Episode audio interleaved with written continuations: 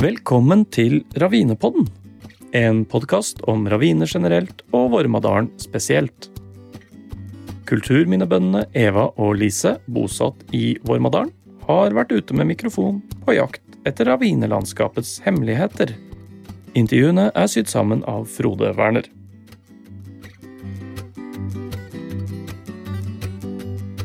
Vi bor i et landskap som er unikt i verdenssammenheng, godt gjemt og nesten glemt. Med podkasten ønsker vi å gjøre denne kulturhistoriske perlen bedre kjent. I dagens episode skal vi se på hvordan ravinlandskapet er blitt endra rent fysisk. Vi skal lære om både ras og bakkeplanering. Jeg løp mer eller mindre foran bulldoserskjæret og, og planla. Målte opp og skulle alle sammen ha planlagt bakkeplanering. Dette var Anne Siri Brandrud. Hun var herredsagronom i Nes når bakkeplaneringa begynte for fullt. Hun får du høre mer fra i slutten av episoden. Bakkeplanering det ble utbredt på 1970-tallet. Med store bulldosere ble bakker og ravinedaler skjøvet på og jevnet ut for å skape større kornareal og effektiv maskindrift. Var dette god jordbrukspolitikk, eller var det rett og slett et overgrep mot naturen? Men aller først skal vi prate om ras. Leirravinene har vært mye utsatt for ras opp igjennom. Men hvem er det som har skylda? Er det naturen eller menneskene? Det er vel naturen som har skapt rasa. For, for uh, menneskelig påvirkning var jo ikke så stor de første tusen åra etter istida. Så det er vel først uh, nå i de siste tusen åra at det er blitt mye menneskelig virksomhet som kan ha forårsaka ras.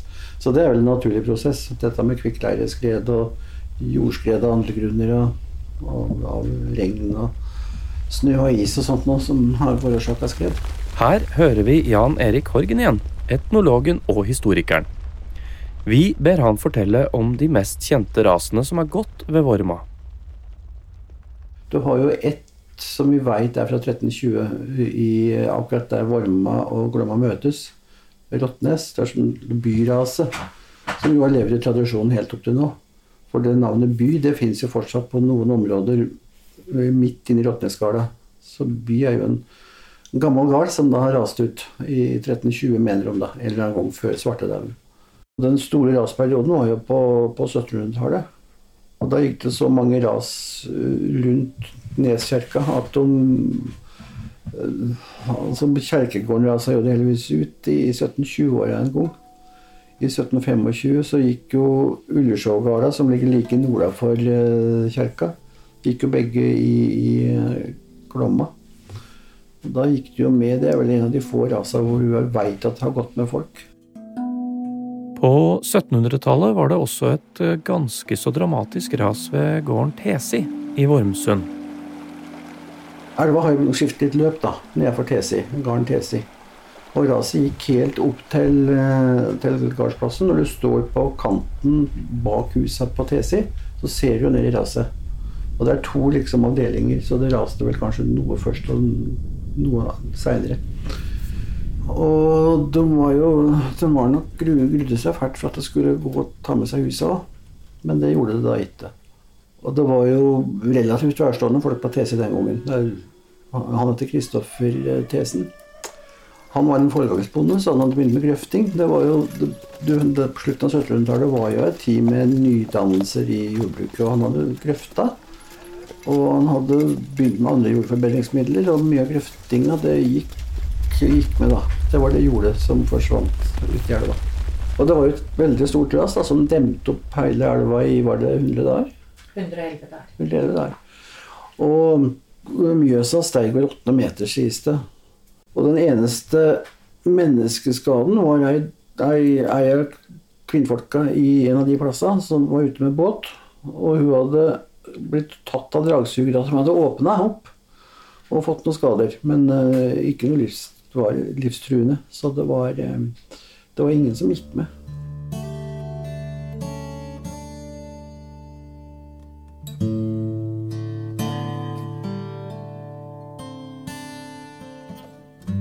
Og hele uhellet var jo at hun drev med et stort veganlegg på Hebberåsen. De la om veien, altså den kongevegen, da. Den skulle bygges ny over Hebberåsen. Og der var det mange soldater med. Men de soldatene ble omplassert, slik at de ble med å grove opp eh, ny åpning for vannet. Sånn, og det var jo en av årsakene til at de fikk tross alt åpne relativt fort. da. For det var jo også utkommandert folk fra bygda som gjorde dette sammen med, med de militære. Men hvordan oppstår denne kvikkleira, og hvorfor blir det ras? Eva og Lise tok seg en prat med geolog Rolf Sørensen om dette her, og hørte om korthuseffekter og andre spennende ting. Da innlandsisen smelta for 11 000 år siden, da lå brefronten over Haugeseter og eh, ned over uh, Vormsund. Og så sto havet inn til breen. Og i løpet av bare noen hundre år så hadde brefronten trukket seg oppover til Eidsvoll. Så da var hele Vormadalen fri for is. Og så strømmet det ut enorme mengder med smeltevann. Og det vannet var metta med slam som breen hadde erodert. Det breslammet det kom jo ut i det salte vannet. Det slammet det er små leirmineraler, eh, flak, som eh, er, har bitte litt elektrisk negativ ladning. Og så er det mye salt i sjøvannet også, som har positiv ladning. På grunn av det så så blir eh, mineralflakene nøytralisert, og så hefter de seg sammen og faller til bunns. Og, og, da danner de noe som de kaller et kortusstruktur. Og den, så lenge det er salt i vannet, så, så er jo det den, den, strukturen der stabil. Men etter hvert, når det har gått jeg må, at det har gått noen tusen år, så, så begynner det saltet sakte å sive ut av leira. Leire er jo lagdelt, og så enkelte lagene kanskje litt mer sand i, sånn at vannet som siver gjennom leira, det, det går lettere. Og eh, når saltinnholdet da er eh, kommet ned på et kritisk nivå, så, så kan eh, disse korthusene falle sammen hvis de blir forstyrra. Og det kan være at det er erosjon i den lille bekken nede i ravina utløser et lite skred. Hvis det lille skredet forstyrrer da kortusstrukturen bakenfor, så, så, utvikler det skredet seg. Så dette her kan, ha, kan nok ha begynt uh, noen tusen år etter at det ble tørt land.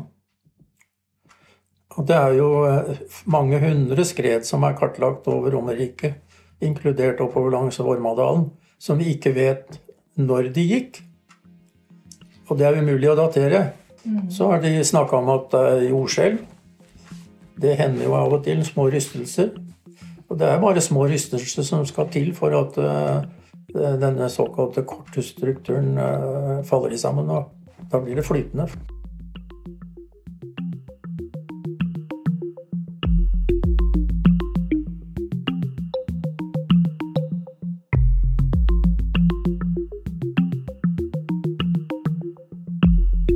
Men du sa eh, Du nevnte at der det allerede har vært et større ras, så er det sikra mot ytterligere ras. Ja, helt garantert. I bunnen av disse eh, skredgropene som vi kan se på terrengkartet, de er 100% sikre. For da, etter hvert som eh, vannet Det drenerer jo ut av leira, og da blir disse liggende sånn. Men de ligger sånn flatt på hverandre, hverandre istedenfor å stå, ja. stå, mot hverandre. Ja, ja. Så det, det er helt sikkert et byggegrunn. Det ble foretatt en eh, mengde stor bulldosering i, eh, i Nes kommune på mellom 70 og 90. Ja. Hensikten var jo da hadde jo med landbruk å gjøre, å få dyrkbare enheter for traktoren. Ja. Eh, det ble sagt at det stabiliserte disse ravinedalene, sånn at, ikke, at de ble sikra mot skred. Stemmer det? Det er vel ikke hele sannheten. Men uh, du endra skråningene. Og da er det jo mindre sjanse for at det blir sånne småskred i kanten av, bunnen av ravinen. Så, sånn sett er det riktig. Men det andre negative ved bakkeplaneringen var jo at du fikk en enorm erosjon. Overflateerosjon som da gikk ut i vassdragene. Og det tok jo lang tid før du fikk etablert en sånn forvitra jordsmonn på toppen. Det er jo et annet karaktertrekk ved leirene våre i hele Norge. Det er at eh, etter noen tusen år så, så har det danna seg en forvitringshud på toppen av alle leirområdene våre. De kaller det for tørrskorpe, og den kan være fra en halvannen til tre meter tykk. Og der er leirmineralene stabilisert pga. forvitring, sånn at det, det er uh, jernoksid og, som da binder disse her mineralpartiklene så, så godt sammen at det, den tørrskorpa er jo stabil for mindre bygninger. Sånn at gårdene deres den, de er jo bygd på toppen av tørrskorpa. Hvis dere hadde lagd kjeller og gravd gjennom tørrskorpa, så kunne dere risikert at uh, det hadde sunket sammen. Bare lenger sør på sletta her så var det en bonde som skulle lage gjødselkjeller i, uh, og brukte bulldoser eller brukte gravemaskin og grov seg ned. Og da mista de totalt bæreevnen, for den var veldig bløt kvikkleire under. Så han måtte bare oppgi hele prosjektet. Moralen er bygg ikke kjellere i uh... Kvikkleire? Nei, helst ikke. Nei, eller på Romerike.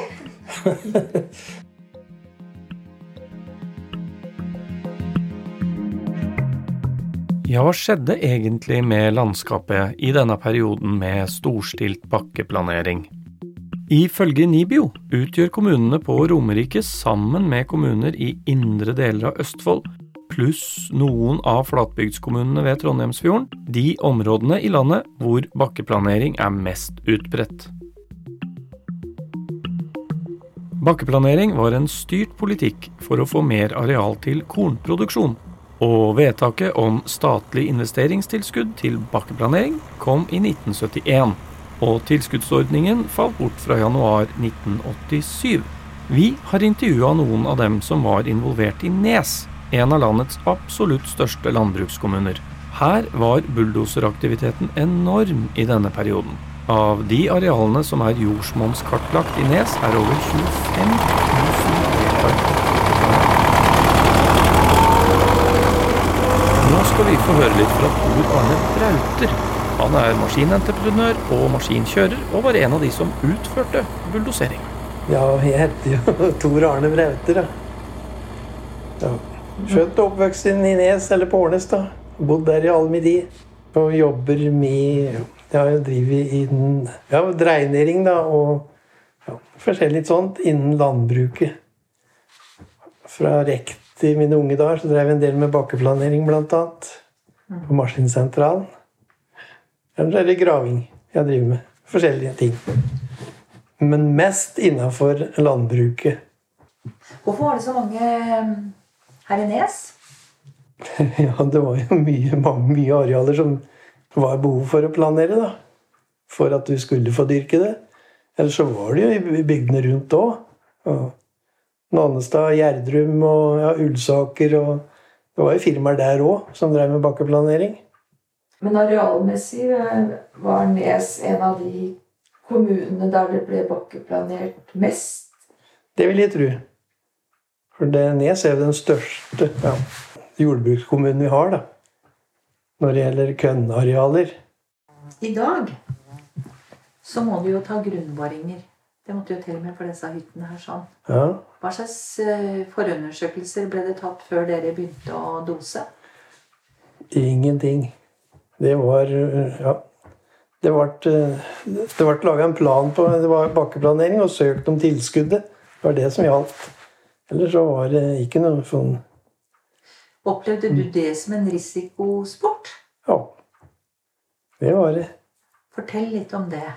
Ja, nei, du, du hendte jo du kom borti veldig blaut leire da, det var vanskelig å komme fram. Og da ja, du ned. Vi hadde jo vi har jo sittet fast såpass at vi har hatt bergingsvogner fra Forsvaret til å få det på igjen. Det var jo, det var jo, Vi satt jo kan vi si, nesten på gøyandre på setet, for det var så bratt. Ja, men en bulldoser er jo så båndtung, så han velter jo ikke. Det skal veldig mye til. Ja, hvis du ikke er helt uforsiktig, da. Men det var bratt å få av matjorda i disse havneliene mange steder. Det, det, var en utfordring. Ja. Jeg tenker på eh, sånn, den utviklingen. altså Da man starta på 60-tallet, Er det noen forskjell på måten man planerte på 60-tallet, om man gjorde det på 90-tallet? Var det noen andre hensyn? Nå tenker jeg på dette med å ta vare på matjorda. Ja, det, det ble uh, mer og mer fokusert på å ta vare på matjorda. Det var veldig sløve med til å begynne med. Hva gjorde dere i starten? Nei, da skau de alt til dals. For å få det slettere. Ja. Men så ble det det der med matjord og greier. Det skulle tas vare på så godt som overhodet mulig. Og da ble det skjøvet opp på toppen. Og inn på et sted hvor du ikke skulle planere. Og så ble det planert, og så ble den lagt på igjen etterpå. Oppå. Hva vil du si om eh, matjordskvaliteten etter, etter dosering og før dosering? Ja, hun blir ikke som den, den jorda som er fra tidenes morgen. Det blir aldri, tror jeg. Det gjør ikke. Det blir ja, planert og grøfte og alt mulig sånn, men de store avlingene får du ikke på den jorda der som du gjør på den jorda som er fra gammelt av. Den urørte jorda.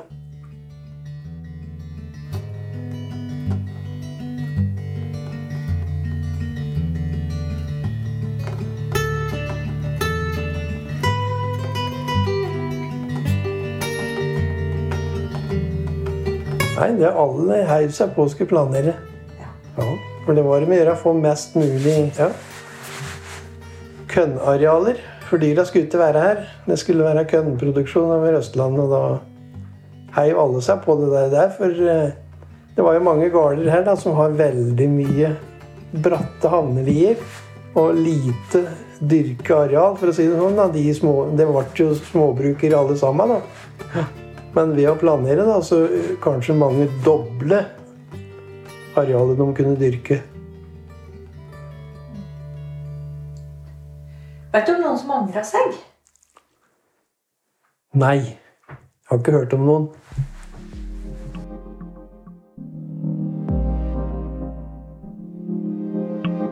Men hvordan ble egentlig jordsmonnet etter denne bakkeplaneringa? Ifølge Siri Svengård Stokke, avdelingsleder ved NIBIO, så økte bakkeplaneringa Norges kornareal og var nyttig. Men som hun sier, vi kan stille spørsmål ved måten det ble gjort på. Den biologiske aktiviteten i uplanert jord er høyere. Hadde vi hatt den informasjonen vi har i dag om jordsmonn, så hadde vi trolig gjort noe annerledes.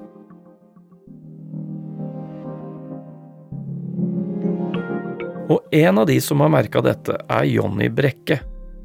Han har sitt gårdsbruk på stort sett bakkeplanert jord ved Vorma. Det, det er klart at, eh, at, jeg er jo øh, såpass ung at jeg øh, husker jo ikke så veldig mye av, av planeringa og sånt nå. Men, men jeg veit jo at, at, før jeg kom til Fenstad, så, så var jo mitt Eh, min, min, bolig og mitt lille bruk var jo bare en ravine. Altså det, det jo, besto jo bare av, av bratte lier som, eh, som, fikk eh, planert tidlig på 70-tallet. Men, men, men, jeg kom jo ikke til Venstre før i 80, og, og derfor så var jo ikke jeg med på det. Var det beiteland? Ja, det var, det var jo beiteland. Og det var jo bare små områder som kunne dyrkes.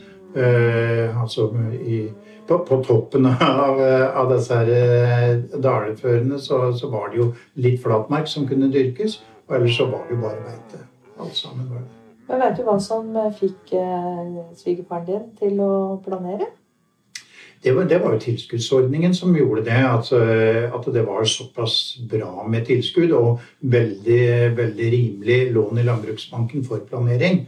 Eh, sånn at, eh, at når, når, jeg overtok gården, så, så, overtok jeg også lån på planering og lån på grøfting.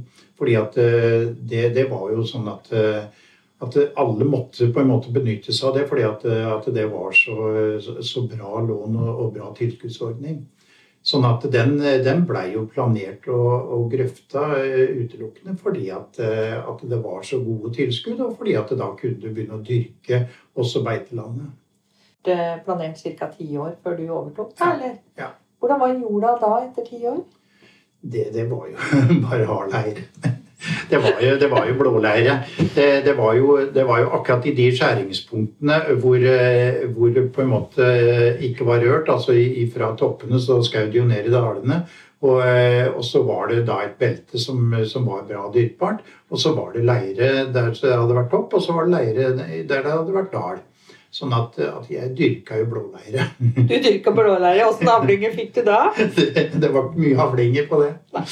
Jeg hadde, jeg hadde 50, 50, mål, og av de så, så, var det kanskje en 5-10 mål som, eh, som, det var gode avlinger på. Og, og resten var, eh, var, leire. Sånn at eh, Så med et tilbakeblikk, da, hvis en skal liksom se tilbake på verdien av den bakkeplaneringa som ble gjort på eiendommen din, hva vil du si? det, det, er jo eh, det, det, egner seg jo for å dyrke gras, som jeg gjør i dag. Men det, egner seg ikke til stort annet enn, eh, enn å legge igjen og, og, og, dyrke gras på det. Så, sånn sett så, så, fikk vi ikke så mye økonomisk uttelling for det. Det, vil jeg jo ikke tro. Fordi eh, det egner seg dårlig til å, til å dyrke kønn.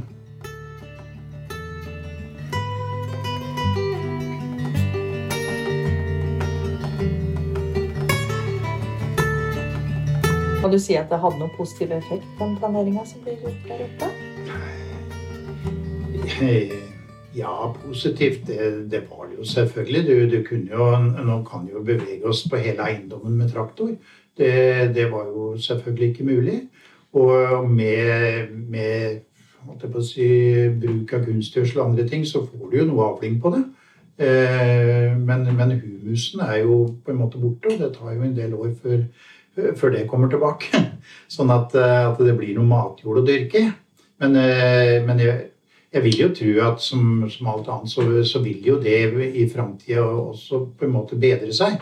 Så, så lenge dette ligger brakk og, og dyrker gras eller andre ting, så, så vil jo etter hvert igjen på en måte få tilbake noe av matjordlaget. For det er jo 50 år siden det ble planert, ja. så har du merka noe forbedring? Nei, det har jeg vel ikke gjort på de 50 åra. Men vi får tenke i et større perspektiv. det er veldig, det er egentlig veldig interessant, det der jobben. 50 år er, er jo bare, bare et, et, lite øyeblikk i denne historien. ja, ja. Anne Siri Brandrud var kvinnen og sivilagronomen som fikk den store bølgen av bakkeplanering i fanget. Hun fikk jobben i Nes selv om det var en viss skepsis til kvinnelig herredsagronom. Ei dame som har gjort seg gjeldende på mange felt i yrkeslivet, men vi vil høre om årene foran bulldoserskjæret. Jeg heter Anne Siri Brandrud, og bakgrunnen for at dere har invitert meg hit, er jo at jeg har eh, kanskje noen av de fineste åra i mitt yrkesliv som eh, herredsagronom i Nes. Den gangen det fantes herredsagronomer. Flott tittel. Så jeg var herredsagronom her fra 72 til 81, si ni år. Jeg var, var utdanna i uh, eh, 1970. Og da viste det seg dessverre at det var ikke så enkelt for ei jente å få, uh, å få jobb som sivilagronom. Jeg søkte veldig mange jobber hvor jeg overhodet ikke hørte fikk noen respons i det hele tatt. Men så fikk jeg da et års vikariat som herresagronom i Enebakk i 71. Så nesten et år etter at jeg var eh, ferdig på Ås, så fikk jeg dette vikariatet i Enebakk. Og da jeg hadde vært i Enebakk i 14 dager, så kom reglene om tilskudd til bakkeplanering. Og da braka det løs. Da viste seg jo at bøndene i Enebakk hadde jo bare gått og Dette hadde vært på trappene en stund.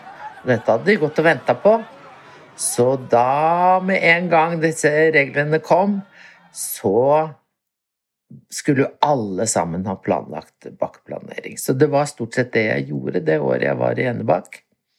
Jeg løp mer eller mindre foran bulldoserskjæret og, og planla. Målte opp og Det var spennende. For jeg lærte voldsomt mye. Jeg var i utgangspunktet husdyrbruker, så det var ikke så veldig mye jeg kunne om landmåling og oppmåling og sånt noe, så det fikk jeg Men det fikk jeg lov til å lære meg.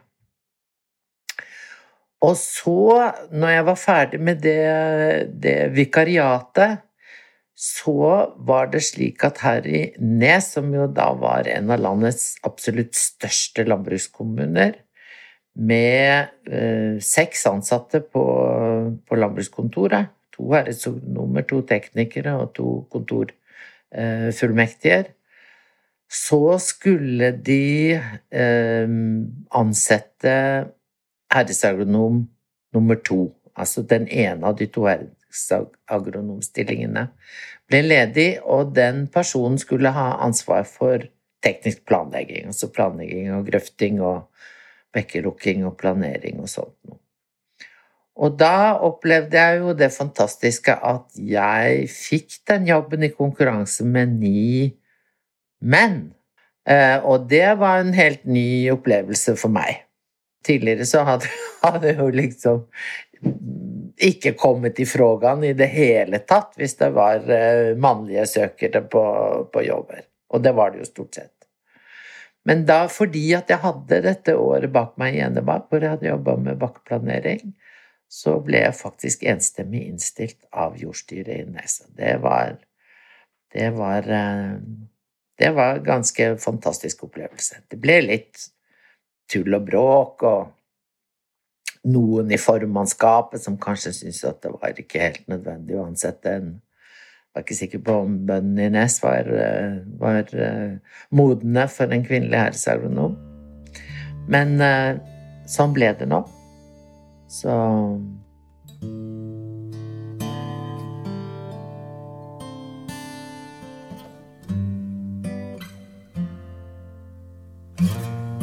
Jeg tror jo at den derre skepsisen til kvinnelige Eh, sivilagronomer, det var noe som var, fantes opp i huet på folk som satt i, si, i ledende stillinger. Jeg opplevde aldri noe ikke, Det gjorde jeg ikke det året jeg var i Enebakk heller.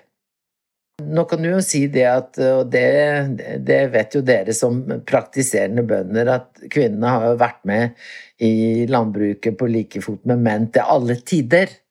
Jeg tror at for, for alle bønder jeg eh, jobba sammen med, om de var kvinner eller menn, så, så tror jeg det de var opptatt av, var om jeg kunne gjøre jobben min. Ikke hva slags kjønn jeg hadde. Jeg tror ikke det spilte noen rolle for dem i det hele tatt. Hva var jobben? Hva gjorde herredsagronomen i forhold til planering? Hva var din eh, jobb ved det?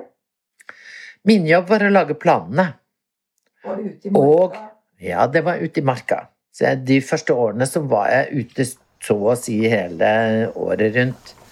Fordi det var rett og slett ut med oppmålingsutstyr og, og lage kvotekart, altså lage detaljerte kart. Planlegge gjennomføringen av bakkeplaneringen, kostnadsberegne den. Og så, så ble jo tilskudd og sånt noe beregna ut fra eh, disse overslagene. Og så skulle vi etterpå kontrollere at ting var gjort i henhold til plan, og sørge for at Bøndene fikk utbetalt det tilskuddet de hadde, de hadde krav på. Men de hadde måttet ha godkjente planer eh, på forhånd. Nå må jeg innrømme at jeg husker ikke helt prosedyrene, men jeg tror kanskje det var sånn at disse planene ble sendt inn til fylket, sånn at det var jo fylkesagronomer som hadde liksom på en måte det faglige, overordna ansvaret på de forskjellige områdene. Så det var vel de som godkjente planene først. Men det var helseagronom som lagde planen. Hvordan var interessen for å planere? Altså, var den stor, eller det, måtte du ut og prøve å få folk til å gjøre det? Overhodet ikke, du. Det kan jeg love deg. Situasjonen var den at i disse første åra her inne så var det 13 50 tonns bulldosere som gikk dag og natt 365 dager i året. Så det var en vanvittig aktivitet, altså. Jeg tror at i disse første åra så regna vi ut at det ble planert Det arealet som ble planert i Nes, var det samme som i hele resten av landet til sammen.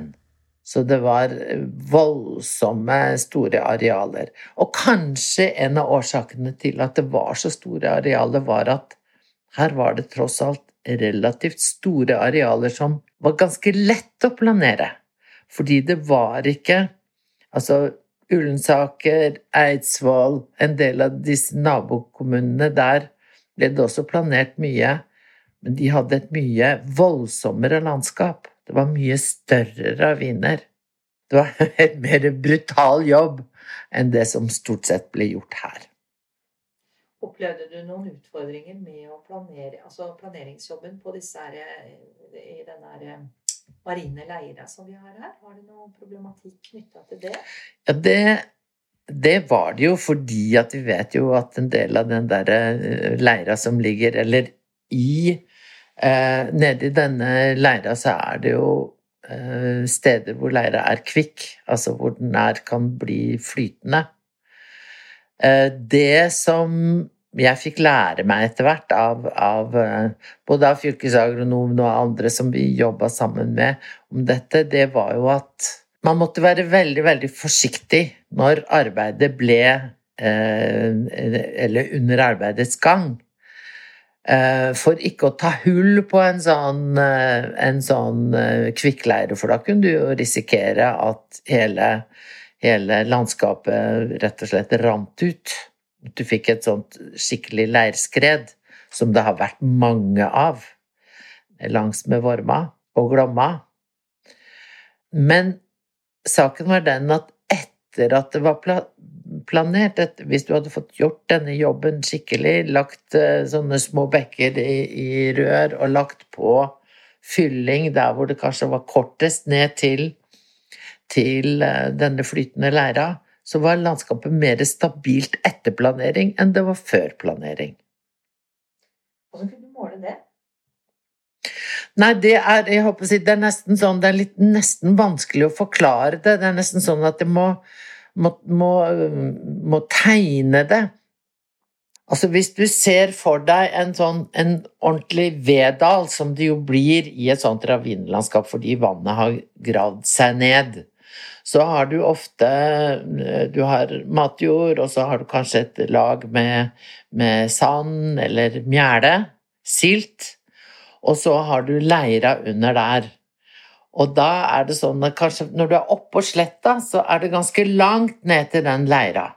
Mens i dalen, altså i, i den lia som er, så er, kommer du langt nok ned i dalen, så er det veldig kort avstand fra overflaten og ned til leira. Og det som skjer når det raser, det er jo ofte at du har da en bekk som går i bånn på eh, dalen som graver inn i sida på den lia. Og hvis det, vi får en flom eller et eller annet sånt som gjør at du får mye vanngraving, så risikerer du rett og slett at vannet graver seg inn til den leirlomma. Det er nesten der, det er som om vannet graver seg inn til en Du tenker at det, den, den der leirsuppa ligger der nesten som en svulst, og så stikker du hull på den, og da renner leira ut. Og så detter rett og slett hele landskapet ned. Kan tenke deg Ja, dere har, eh, kjenner jo dette landskapet her bedre enn meg. Men vi har jo store sånne gamle ras, sånn som Lørenfallet. Hvor jo hele, hele den bygda er jo på en måte Der landskapet har rett og slett rast ned fordi at den flytende leira har rent ut i elva. Og det som skjer når du planerer, det er jo da at da tar du masse fra toppen, og så legger du den i bånn. Sånn at da kan du si da blir det mye etter hvert mye større avstand fra toppen og ned til eh, der hvor du eh, treffer på den nære eh, flytende leira. Og du har lagt bekken i rør, så du får ikke den der gravingen. Så dermed sikrer du på en måte landskapet mot fremtidig utrasing. Du har lagd et mindre rasfarlig område av Nes, du? Ja, det vil jeg påstå. At, ikke akkurat jeg har gjort, da, men bakkeplaneringen har ført til at mange områder er mye mindre rasfarlige i dag enn de var før.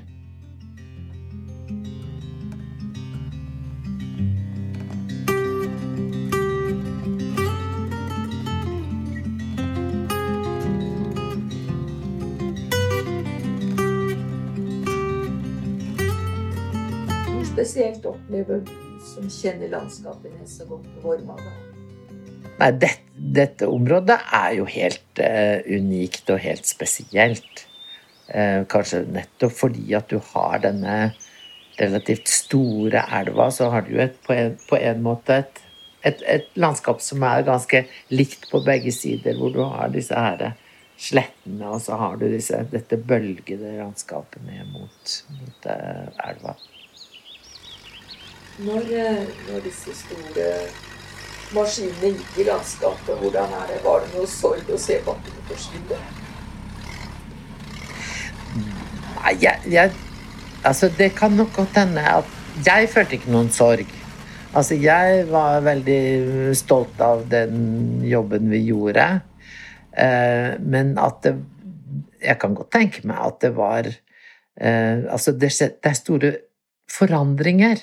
Og det er klart at det, det, vil alltid være motstand mot forandring. Det er helt sikkert mange som syns at dette var på en måte en slags hva skal kalle voldtekt mot naturen. At man gjorde noe som var unaturlig. Eh, jeg sa til meg selv, som jeg har sagt til dere nå for så vidt, at det vi gjør, er på en måte å prøve å gjenskape det opprinnelige landskapet. For det har ikke vært så sånn til alle tider. Og vi prøver å tilpasse landskapet til den bruken som vi har i dag. Sånn som det ligger nå, så er det på en måte til lite nytte for gardbrukerne. Og ved å bakkeplanere så blir dette maskinjord igjen. Under forutsetning riktignok av at man, at man gjør det på en på en eh, riktig måte, på en god måte. Eh, og det Altså Jeg var ikke til stede alle steder mens dette her pågikk, men forutsetningen var jo hele tiden at man skulle ta vare på matjorda. Altså før man begynte denne utplaneringen, så skulle matjorda tas av, legges opp i ranker. Det, eh, og en del også av denne av eh, mjæla. Og så skulle på en måte leira under eh, formes, og så skulle matjorda tilbake igjen. Og vi har vel har vel kunnet konstatere at det er ikke alltid at man, man har vært like flink til å gjøre det på, på, den måten.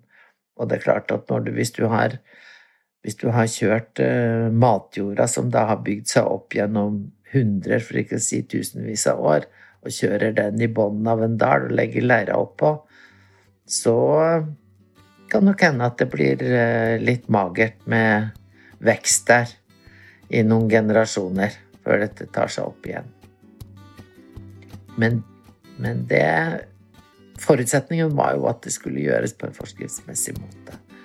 Jeg, jeg tror at i Neset har man vært ganske flink til å følge de forskriftene. Det er mitt inntrykk.